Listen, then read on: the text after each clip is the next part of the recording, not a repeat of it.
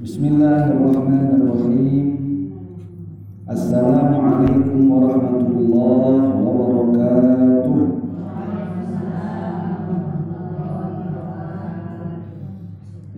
الحمد لله. الحمد لله حمدا يوافي نعمه ويكافئ مزيده. يا ربنا لك الحمد كما ينبغي لجلال وجهك الكريم وعظيم سلطانك. اللهم صل وسلم على سيدنا محمد وعلى آل سيدنا محمد. صلاة وسلاما دائمين متلازمين إلى يوم الدين أما بعد. اللهم أخرجنا من أمة الوهم وأكرمنا بنور الفهم. وافتح علينا بمعرفة العلم وسهل أخلاقنا بالحلم واجعلنا ممن يستمعون القول فيتبعون أحسنه Ibu-ibu yang dimulakan oleh Allah Subhanahu wa taala Marilah kita senantiasa bersyukur atas kehadiran Allah Subhanahu wa taala atas nikmat karunia-Nya yang sampai saat ini masih mengasihi kita, memberikan kita nikmat-nikmat untuk dapat terus melangsungkan kehidupan, dapat terus menghirup udara segar, menikmati berbagai macam nikmat dari mulai bangun pagi, bangun,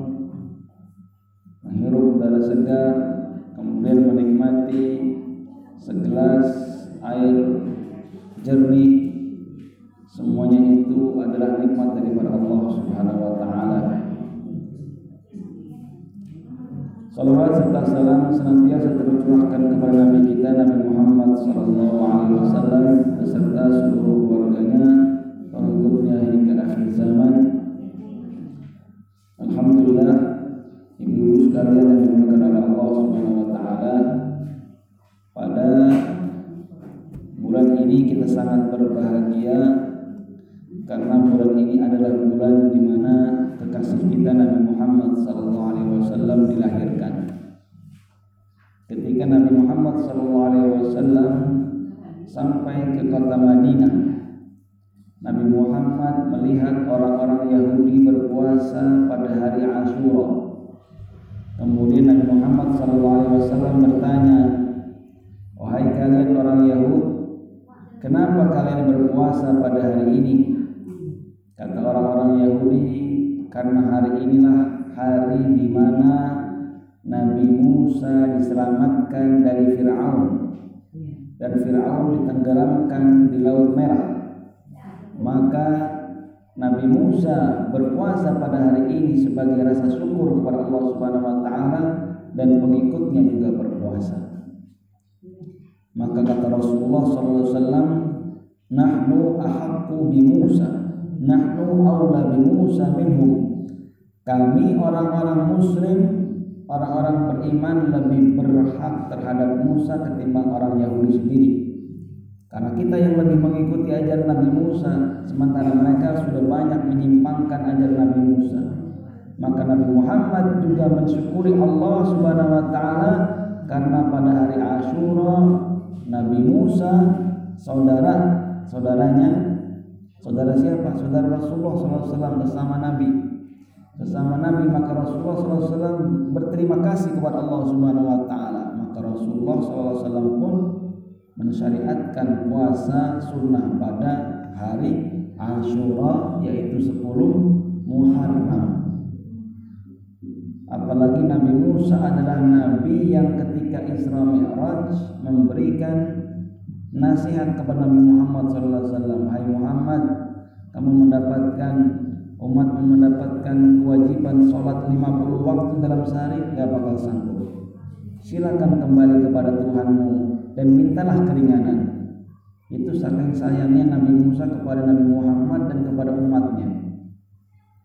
Maka akhirnya Nabi Muhammad SAW mendapatkan perintah untuk melaksanakan hanya lima waktu sholat saja tetapi pahalanya tetap pahala 50 kali sholat dalam sehari. Alhamdulillah.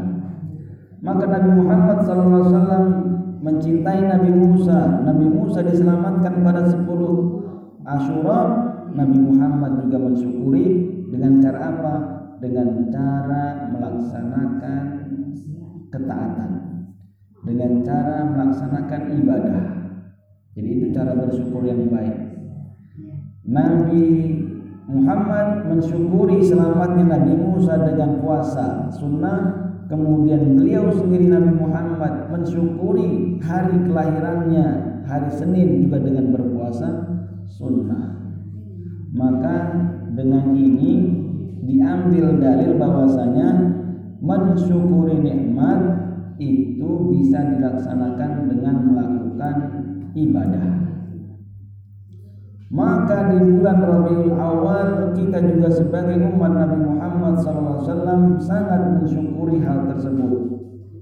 Karena Nabi Muhammad adalah rahmat bagi kita semua. Kasih sayang Allah bagi kita semua. Dikasih kita pada bulan Rabiul Awal ini kita juga syukuri. Maka umat Islam mensyukuri lahirnya Nabi Muhammad SAW ini dengan cara apa? Berbagai macam ibadah ada yang berpuasa di bulan Rabiul Awal karena apa? Mensyukuri Nabi Muhammad lahir di bulan ini terutama nanti pada pada tanggal 12-nya.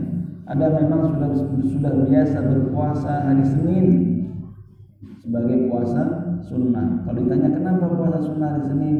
Karena nabiku orang yang paling aku cintai lahirnya pada hari Senin. Maka ada orang dia puasa Senin Kamis Senin Kamis.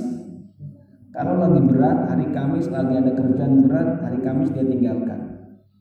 Karena ada kerjaan berat atau lagi ada tugas berat takut kelelahan. Tetapi kalau hari Senin dia nggak pernah tinggalkan. Mau seberat apa pun dia nggak mau tinggalkan. Karena apa? Berat tinggalin hari Senin puasa nggak puasa itu karena apa? Karena hari itu adalah hari kelahiran Nabi Muhammad Sallallahu Alaihi Wasallam itu saking cintanya dia kepada Nabi Muhammad Sallallahu Alaihi Wasallam maka di bulan ini pun umat Islam disunahkan untuk melakukan ibadah-ibadah sebagai rasa syukur kepada Allah Subhanahu wa taala. Akan di bulan Maulid banyak sedekah. Ditumpuk-tumpuk di nabung-nabung supaya bisa membelikan atau membuat panjang mulut di situ diisi beras, telur, indomie, berbagai macam bahan pokok, malah kadang-kadang ada yang pakaian, bahkan ada juga sampai nasi duren di situ. Nah, kemudian nanti dikasih ke siapa? Kepada orang-orang yang tidak mampu, pada fakir-fakir miskin atau kepada sesama tetangga sebagai bentuk daripada kesyukuran dengan cara melakukan ibadah yaitu sedekah, bersolawat, berzikir dan sebagainya itu semuanya adalah ibadah. Maka yang boleh dilakukan pada bulan Maulid sebagai maulidan hanyalah yang sifatnya ibadah-ibadah saja. Karena saya pernah lihat mohon maaf di daerah Cioma sana saya pernah lihat ada pawai motor ngebut-ngebutan laki-laki, perempuan, campur anak-anak kecil-kecil semuanya bawa motor. Penuh jalan. Ini apa? Maulidan katanya. Masya Allah. Tetapi yang merayakan itu mending kalau yang ikut pawai itu semuanya perempuannya bagus-bagus pakaiannya tertutup-tertutup auratnya. Tapi banyak juga yang nggak pakai kerudung pakai celana-celana seksi-seksi begitu. Terus inti maulidannya di mana maka kalau ditanya maulidan boleh nggak? Tergantung isinya apa. Kalau isinya begitu ya nggak boleh. Pertama mengganggu kemaslahatan banyak orang, di jalan orang banyak macet-macet, bisa jadi banyak terjadi kecelakaan dan kemudian malah jadi banyak yang mengumbar aurat. Nauzubillah min Maka maulidan isinya harus ibadah-ibadah saja yang positif-positif saja. Alhamdulillah, Alhamdulillah ini kita sudah sampai pada bulan Rabiul Awal. Baik ibu-ibu sekalian yang oleh Allah Subhanahu wa taala.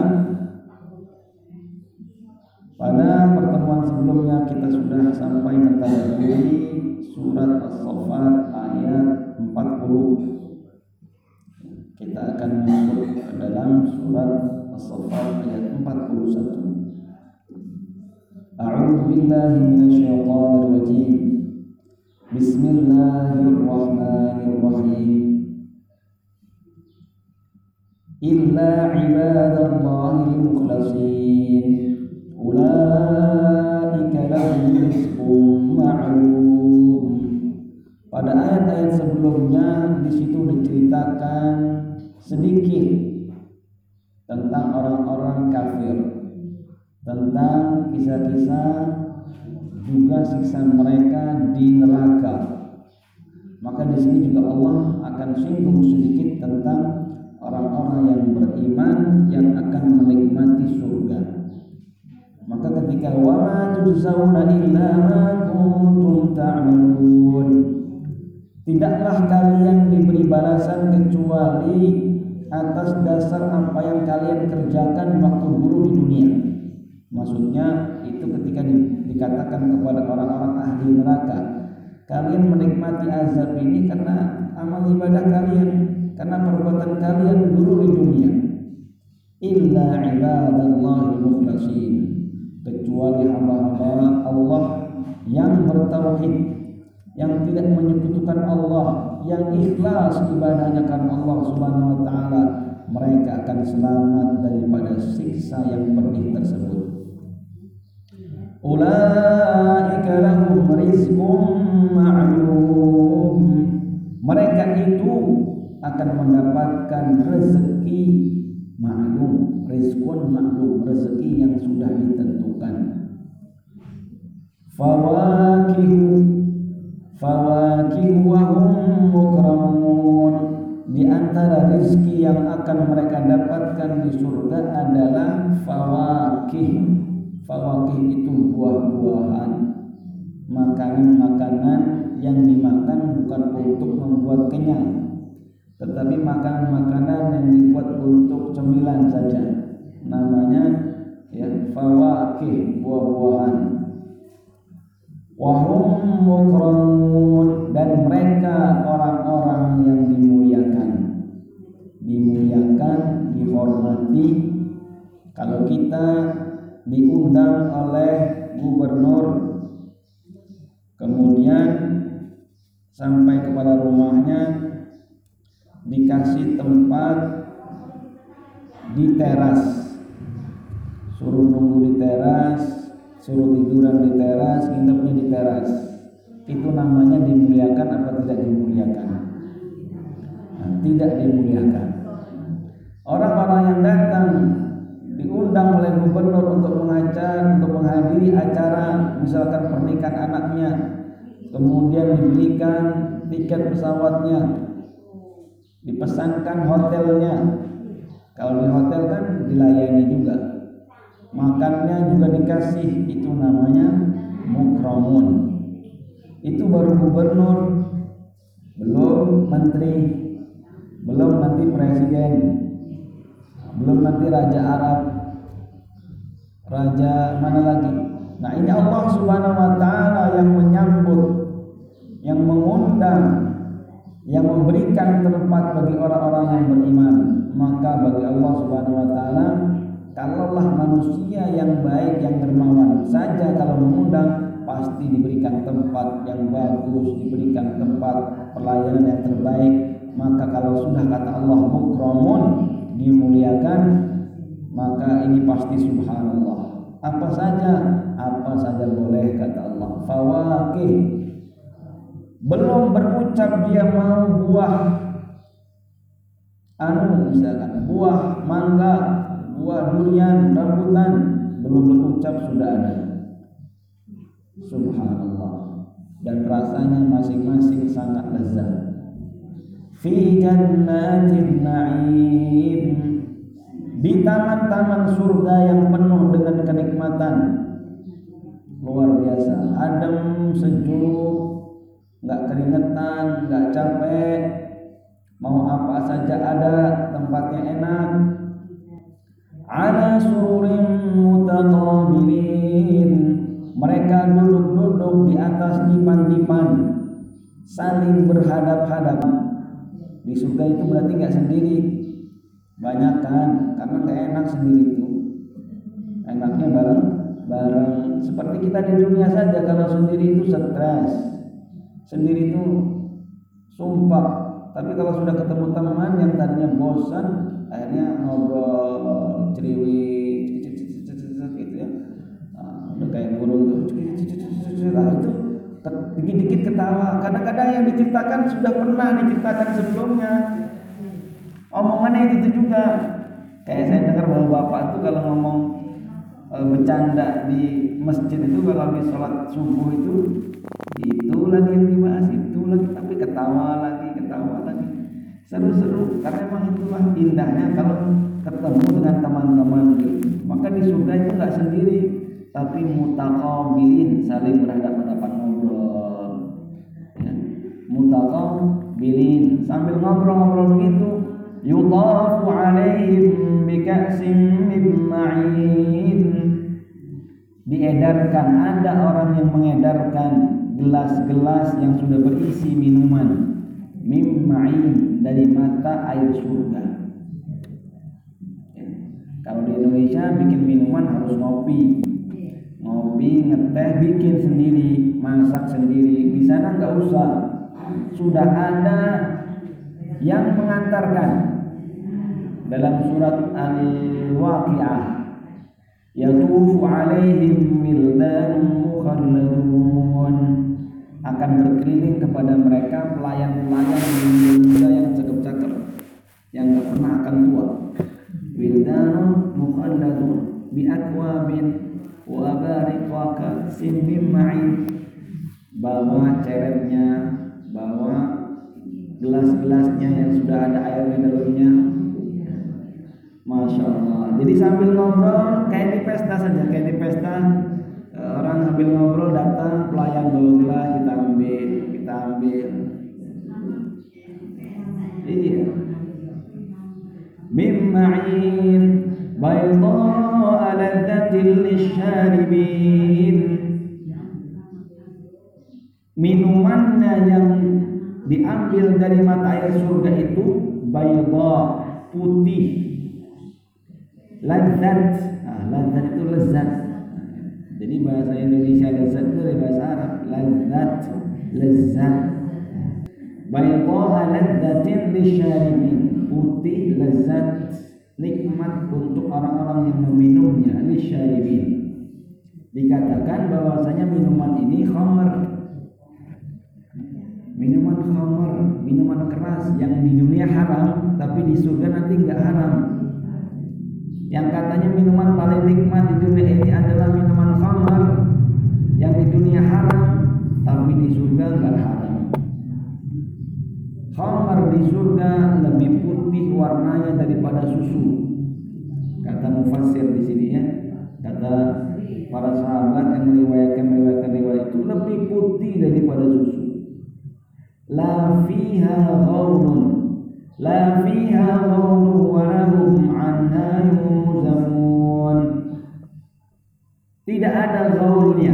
Gaul itu efek samping atau penyakitnya. Kalau di dunia orang minum khamar mateler, muntah-muntah, sakit perut, sakit kencing dan seterusnya. Katanya begitu. Saya belum pernah ya. Katanya begitu. La fiya dan mereka juga tidak dimabukkan dengan khamar tersebut. Jadi kalau khamar di surga nikmatnya saja. Efek sampingnya nggak ada, nggak bikin pusing, nggak bikin muntah-muntah, nggak bikin sakit perut, nggak bikin sakit kencing, dan juga tidak memabukkan. Bi aqwabi wa abariq wa ka'sin min ma'in la yusaddauna anha wa la yunzifun. La yusaddaun artinya nggak bikin pusing. Nggak bikin orang mual. Wala yumsifun juga nggak bikin mabok. Mabok itu artinya hilang akal. Hilang akal di sana enggak khamr nggak bikin seperti itu dari mana kau bisa ya bisa orang semua yang menciptakan Allah yang bikin khamr memabukkan, ada efek samping penyakit ini penyakit itu yang menciptakan Allah. Maka yang bisa merubah itu juga nanti Allah Subhanahu wa taala nggak ada masalah. Memang sengaja dibuat di dunia ini ujian-ujian. Salah satu ujiannya adalah yaitu kenikmatan dunia ada yang dihalalkan, ada yang diharamkan. Tinggal manusia milih mau milih yang halal apa yang haram. Kalau yang halal pasti berkah, banyak manfaatnya, yang haram pasti banyak mudaratnya.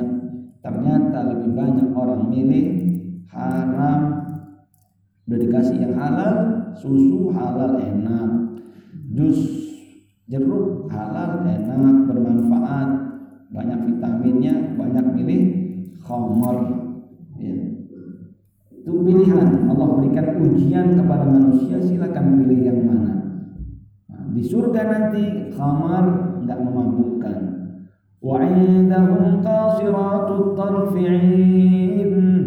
Dan di samping-samping mereka ada bidadari-bidadari yang matanya pandangannya hanya tertuju kepada mereka. In matanya indah al-hur in al-hur hur itu artinya orang yang punya bola mata putihnya itu putih yang hitamnya itu hitam. Kan mata itu kan nggak hitam semua nggak putih semua. Ada yang hitamnya. Nah, kalau bidadari itu kalau dari bahasa Arab al-hur itu artinya yang bola matanya pas warna putihnya putih banget jernih itu yang hitamnya juga hitam hitam banget jadi bidadari surga itu begitu makanya yang bidadari begitu nah kita di Indonesia malah kadang-kadang salah memahami diwarna-warnai. Di pakai apa namanya itu soft lens. Jadi bola mata yang tadi hitam jadi biru ya, jadi hijau. Kalau hijau jarang di Indonesia jarang pakai yang hijau. Karena pasti dikira mata duitan kalau pakai soft lens hijau. Matanya hijau kalau ngeliat duit katanya dan ternyata istilah itu tidak hanya di Indonesia tetapi juga di negara lain juga ada. Ada seorang pemuda saya mau nikah tapi saya mau nikah perempuannya yang matanya hijau katanya. Benar dapat perempuan matanya hijau artinya mata duitan. Dapatnya mata duitan bener ngoroti terus kerjaannya. Memang cantik tapi kerjaannya setiap hari ngorotin duit terus. Wa qasiratut tarfi'in di samping mereka ditemani oleh bidadari-bidadari yang matanya indah, matanya cantik. Ibu-ibu jangan nanya lagi ya. Kalau ibu-ibu nanti yang memilih siapa gitu. Ya. Ini nggak disebutkan dalam Al-Quran. Ya. Saya sudah beberapa kali terangkan kenapa di Al-Quran tidak disebutkan ibu-ibu, wanita-wanita nanti siapa yang mau mandi di sana. Maksudnya kalau laki-laki kan ditemani bidadari, bidadari yang cantik-cantik. Kalau perempuan nggak disebutin karena itu menghormati kemuliaan wanita.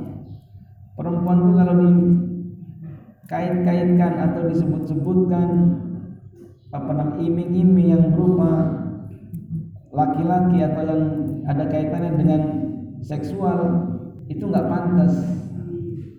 Tapi nggak usah khawatir, pokoknya ibu-ibu nanti di surga maunya apa ada, maunya apa ada. Ya, walakum fiha ma tashtahi anfusukum walakum fiha ma tad'un. Kata Allah Subhanahu wa taala, kalian akan mendapatkan apa yang kalian inginkan dan apa yang kalian minta. Tastahi anfusukum. Jadi rahasiakan aja di sini ibu maunya apa. Jadi nggak usah bilang-bilang ke orang. Kalau laki-laki jelas pasti maunya bidadari. Kalau ibu-ibu mau mau ini kan malu kan? Mau ngomongnya kan malu karena ibu wanita itu malu sifatnya tapi kalau laki-laki nggak malu-malu jelas pengennya bidadari seperti apa bidadari tadi matanya indah ka'annahunna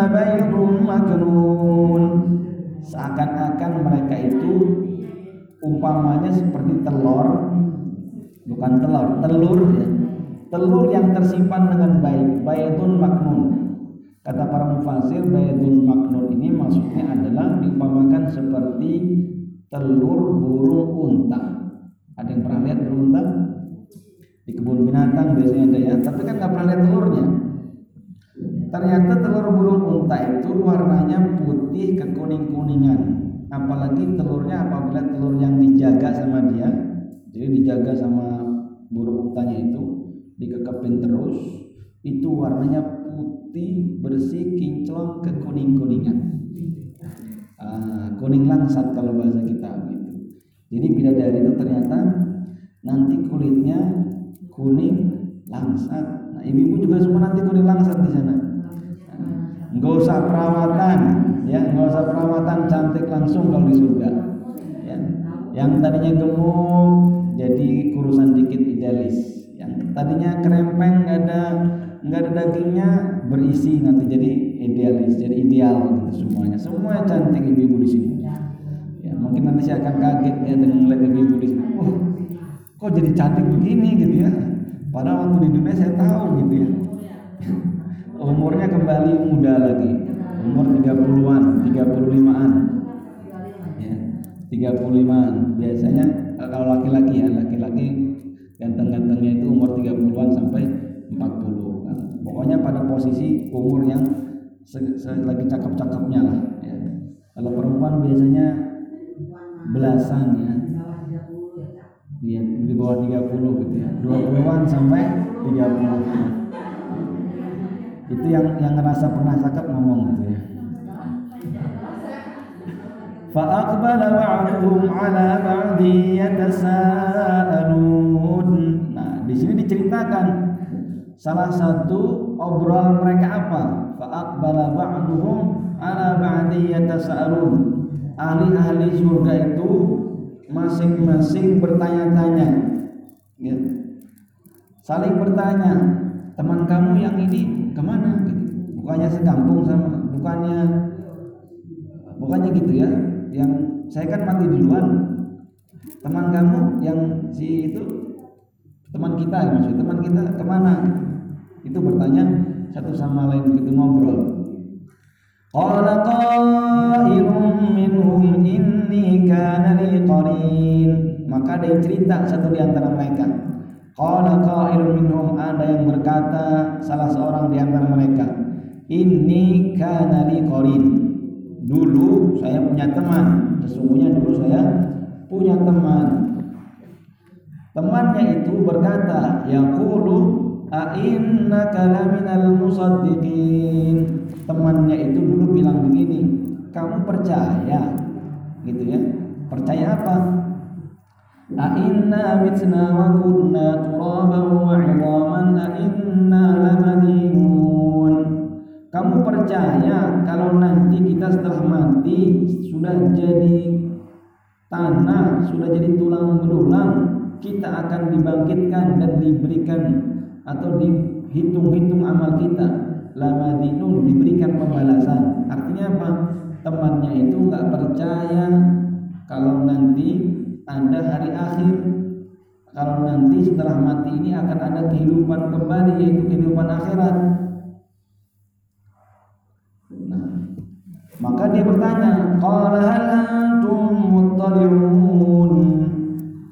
kalian mau nggak kita lihat barang-barang yuk di mana dia? Hal antum muttaliun. Kalian mau melihat dia enggak maka dia dengan teman-teman yang ahli surga itu melihat-lihat kata Ibnu Abbas dalam tafsir Al-Baghawi di surga itu ada kiwan. Kiwan itu seperti jendela atau lubang di situ. Ahli surga bisa melihat seluruh neraka. Jadi bisa nengok ke neraka ngelihat. Ngelihat dari lubang tersebut jahim kemudian dia melihat temannya di mana? Fi sawa'il jahim berada di tengah-tengah neraka jahim. Qala tallahi in kitta laturdin maka yang sudah melihat temannya lagi di neraka itu ngelihat dia disiksa kata dia Allah demi Allah kamu dulu hampir saja mencelakaiku. Karena dia memprovokasi kamu percaya kalau ada orang habis mati kemudian dibangkitkan lagi? Nggak masuk akal tau. Nah begitu kira-kira. Jadi banyak nanti di antara teman-teman kita yang di dunia suka memprovokasi kita untuk tidak beriman suka ngajak kita untuk untuk meninggalkan syariat. Masa kamu mau dibodoh-bodohi sama ustadz-ustadz itu suruh nutup-nutup kepala suruh pakai pakaian panjang panas-panas. Enak kan begini kata dia. Angin seliwing ke muka enak adem. Ada nggak yang begitu? Banyak perempuan ngomong begitu. Nggak mau lah panas. Nah, kata Ustaz nanti di neraka. Emang dia pernah ke neraka ngomong begitu berarti kan dia nggak percaya kalau ada nanti akan ada neraka. Padahal kata Al-Quran ada bukan kata kiai bukan kata Ustaz neraka surga itu yang mengatakan Al-Quran. Nah, orang-orang yang begitu nanti kisahnya akan seperti ini. Kita lihat ya, insya Allah ya, kita akan lihat orang-orang seperti itu nanti di neraka yang seperti apa seperti dalam kisah ini. Fattala fara'ahu fi sawa'il jahim. Dia lihat ternyata temannya tersebut berada di tengah-tengah neraka jahim. Qala tallahi kita laturdin Sungguh demi Allah kamu hampir saja dulu mencelakaiku. Maksudnya mencelakai itu Memprovokasi dia untuk tidak beriman. Walaula ni'matu rabbi lakuntu minal muhdarin. Walaula ni'matu rabbi Seandainya bukan karena nikmat dari Tuhanku bukan karena nikmat Allah, nikmat iman, nikmat Islam. Lakuntu minal muhdarin. Pasti aku juga sekarang orang-orang yang hadir di sana. Di mana? Di neraka bersama orang yang tadi. Afama nahnu bimayitin. Kemudian ahli-ahli surga itu bertanya kepada para malaikat, "Afama nahnu bimayitin?" Setelah ini kita mati lagi enggak? Udah di surga tuh. Mereka nanya kepada malaikat, "Afama nahnu bimayitin?" Apakah kami nanti setelah di surga ini mati? Jawabannya illa mautatana al-ula wa ma nahnu bimu'adzabin. Kalian cuma mati sekali doang. Kapan ya itu yang di dunia itu kita mati di dunia itu doang mati sekali doang. Wa ma nahnu bimu'adzabin. Kalau sudah di surga, kami tidak akan dikenai azab. Khalidina fiha abada.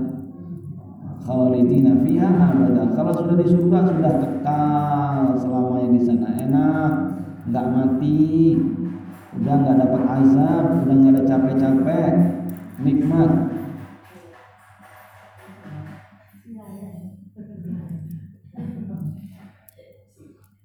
Inna. Maka mereka mengatakan ini benar-benar keberuntungan yang sangat besar. Inna.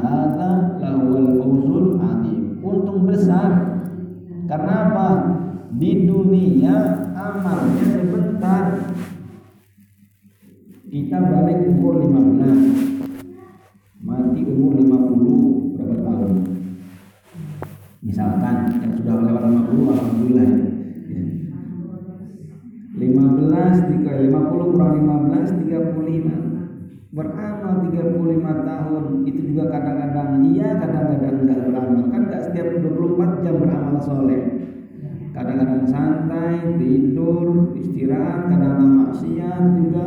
Tapi ternyata subhanallah karena kita beriman kepada Allah karena kita tidak pernah melawan syariat Allah kalaupun kita berdosa kita ngaku kita minta maaf kita menyesal kita minta ampun Allah ampuni masuk surga.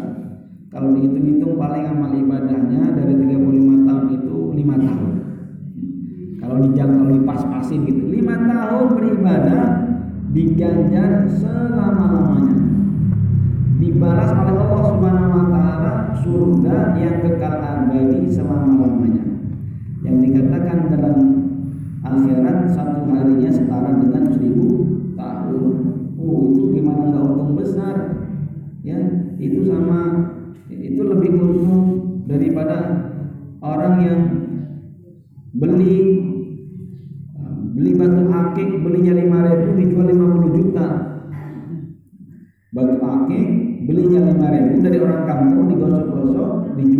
orang kaya 50 juta. Itu kan untung besar. Ini lebih untung besar lagi nggak terbatas soalnya keuntungannya. Khalidina fiha abadan. Maka kata mereka limisli hadza falyamalil amilun. Untuk pahala yang seperti inilah hendaknya orang-orang beramal. Dikasih tahu sama mereka seandainya orang-orang dunia itu tahu ganjarannya, pasti mereka itu akan beramal semuanya, akan beramal baik semuanya. Maka untuk ganjaran seperti inilah hendaknya orang-orang manusia itu beramal. Jin dan manusia hendaknya beramal. Kenapa? Yang beramal nanti akan dapat ganjaran pahala dari Allah Subhanahu wa taala surga yang seperti ini. Nah, setelah ini baru ngomongin neraka lagi. Adzalika khairun nuzulan Adzalika khairun nuzulan am syajaratuz zaqqum Maka ini sudah selesai ceritanya. Maka tadi setelah cerita kata Allah Subhanahu wa taala apakah yang demikian itu surga yang seperti itu indahnya lebih baik ya, tempat lebih baik tempat yang lebih baik atau syajaratul zakum atau pohon zakum. Pohon zakum itu apa? Pohon zakum itu adalah pohon yang di neraka. Ada namanya nanti pohon zakum. Seperti apa pohon zakum itu? Pohon zakum itu akarnya menancap ke neraka yang paling bawah kemudian cabang-cabangnya batang-batangnya menjulur ke atas di situ ada buah-buahan ada buahnya. Buahnya serem dikatakan seperti ular atau mungkin buahnya ular. Bentuknya bentuk ular. Rasanya pahit baunya busuk. Ketika orang-orang ahli neraka lapar ya di situ makannya itu yang dia makan. Mau nggak dimakan? Lapar dimakan. Nggak enak. Mereka terpaksa memakan buah itu ada juga mengatakan memang memang dijejelin sama mereka makan ini. Nah, itu namanya buah zakum nah lebih enak mana di surga mendapatkan kenikmatan buah-buahan yang enak yang lezat tempat yang nyaman atau kamu makan dari pohon zakum. Inna ja'alnaha fitnatan lil Kami jadikan pohon zakum itu sebagai azab bagi orang-orang yang zalim. Zalim, zalim artinya melakukan kezaliman. Sebesar-besarnya atau kezaliman yang paling besar adalah syirik kepada Allah Subhanahu wa taala, menyekutukan Allah. Inna syirka la. Sesungguhnya perbuatan syirik itu adalah kezaliman besar. Karena definisi daripada kezaliman itu adalah meletakkan sesuatu bukan pada tempatnya. Meletakkan sesuatu bukan pada tempatnya. Ibadah tempatnya adalah untuk Allah. Ibadah hanya untuk Allah, tetapi dia menempatkan ibadah untuk selain Allah maka itu kesyirikan maka itu kezaliman yang besar ketika kita tidak menempatkan sesuatu pada tempatnya itu namanya zulam itu namanya kezaliman orang tua tempatnya diapakan atau haknya diapain dihormati disayangi tetapi malah kita tidak menghormati dan menyayangi orang tua nah, itu berarti termasuk kezaliman ya. jadi Orang-orang yang zalim ini nanti akan diberikan pohon zakum di neraka. Innaha syajaratun takhruju takhruju fi aslil jahim. Sesungguhnya pohon zakum itu adalah pohon yang keluar dari dasar neraka jahim. Tal'uha ka'annahu ru'usus syayatin. Mayangnya, mayang itu apa? bunganya cabang-cabangnya, buah-buahnya ka'annahu seperti kepala-kepala setan. Kenapa kepala setan? Biasanya orang Arab begini, kalau ada yang jelek gitu, ini kayak kepala setan. Padahal nggak ya padahal setan kan kita juga nggak tahu seperti apa. Ya. Maksudnya adalah saking jeleknya disebut seperti kepala kepala setan. Ada juga yang meriwayatkan itu adalah ular-ular. Nah, karena ular itu kan serem kepalanya. Ya. Ru'usus syayatin. Fa innahum la'akiluna minha famali'una minhal butun maka sesungguhnya mereka akan benar-benar memakan dari buah itu. Famali'una minhal butun mereka akan memenuhi perut mereka dengan buah-buahan tersebut. Thumma inna lahum 'alaiha lasyauban min hamim sudah makan kenyang tersendak-sendak seret. Nah, apa lagi mereka minum. Minumnya la syauban min hamim. Minumannya air campuran dari hamim. Hamim itu air panas yang mendidih. Uh, campurannya apa? Nana darah mungkin kotoran dicampur itu mendidih. Thumma inna narji'ahum ilal jahim Kemudian sesungguhnya tempat mereka kembali ke neraka jahanam, neraka jahim. Jadi mereka di neraka jahim kalau lapar disuruh makan di situ, dikasih minum begitu, balikin lagi ke neraka jahim terus begitu. Innahum alfau dharmin.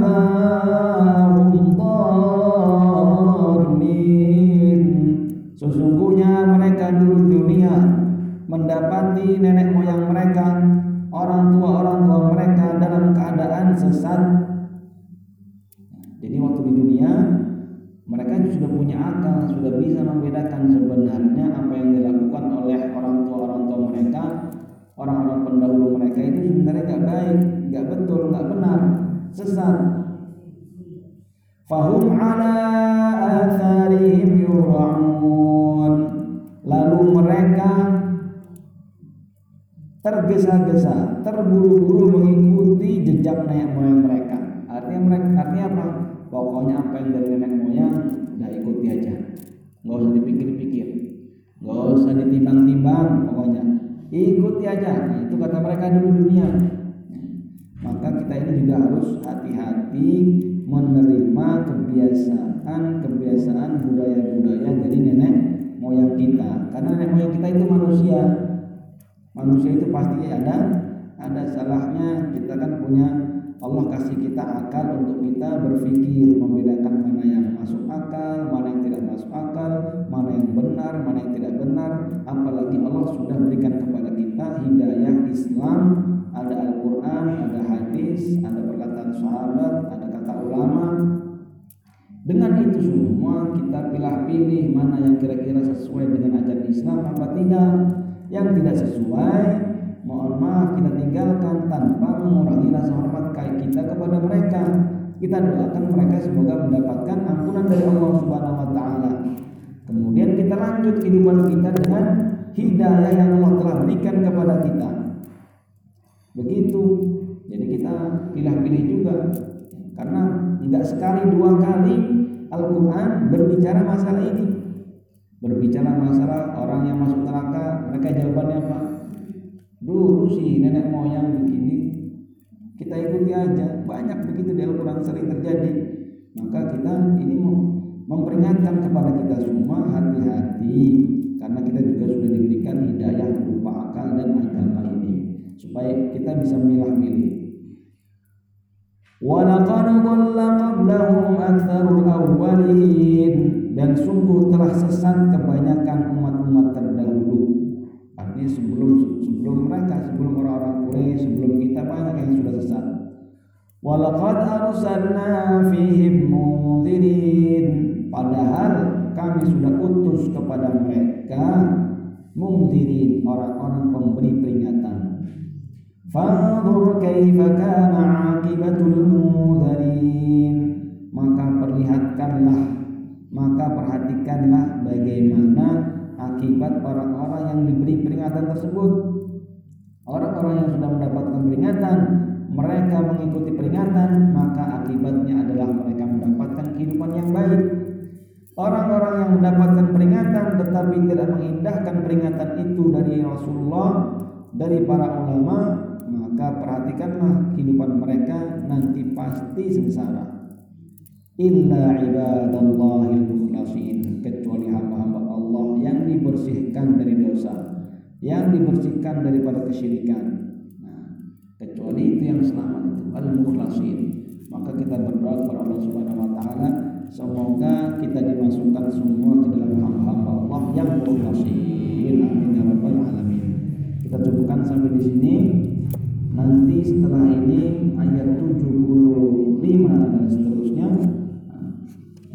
ada kisah tentang Nabi Nuh tentang Nabi Nuh juga nanti tentang Nabi Ibrahim alaihi wassalam insyaallah kita akan lanjutkan pada pekan yang akan datang sadaqallahul azim wa sadaqa rasulun nabiyul karim wa nahnu ala dzalika minasyahidin wa syakirin al-fatihah a'udzu billahi minasyaitonir rajim bismillahirrahmanirrahim alhamdulillahi rabbil alamin الرحمن الرحيم مالك يوم الدين إياك نعبد وإياك نستعين اهدنا الصراط المستقيم. صراط الذين أنعمت عليهم غير المغضوب عليهم ولا الضالين.